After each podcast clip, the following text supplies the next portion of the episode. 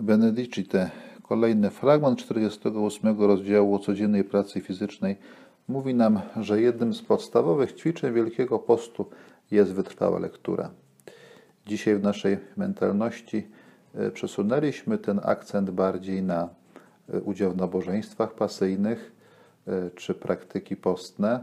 Nie chcę przez to powiedzieć, że są one nieistotne, ale dobrze by było, aby ten fragment z reguły przypomniał nam o tym, jak ważne jest skrawienie również swego umysłu przez dobrą lekturę. Wielki Post, który jest czasem powrotu do tego, co najbardziej istotne, czasem normalności w klasztorze, jak to też nam przypomina reguła, jest też dobrą okazją do tego, ażeby powrócić do czytania dobrych książek, które będą kształtowały naszą dojrzałą i odpowiedzialną wiarę.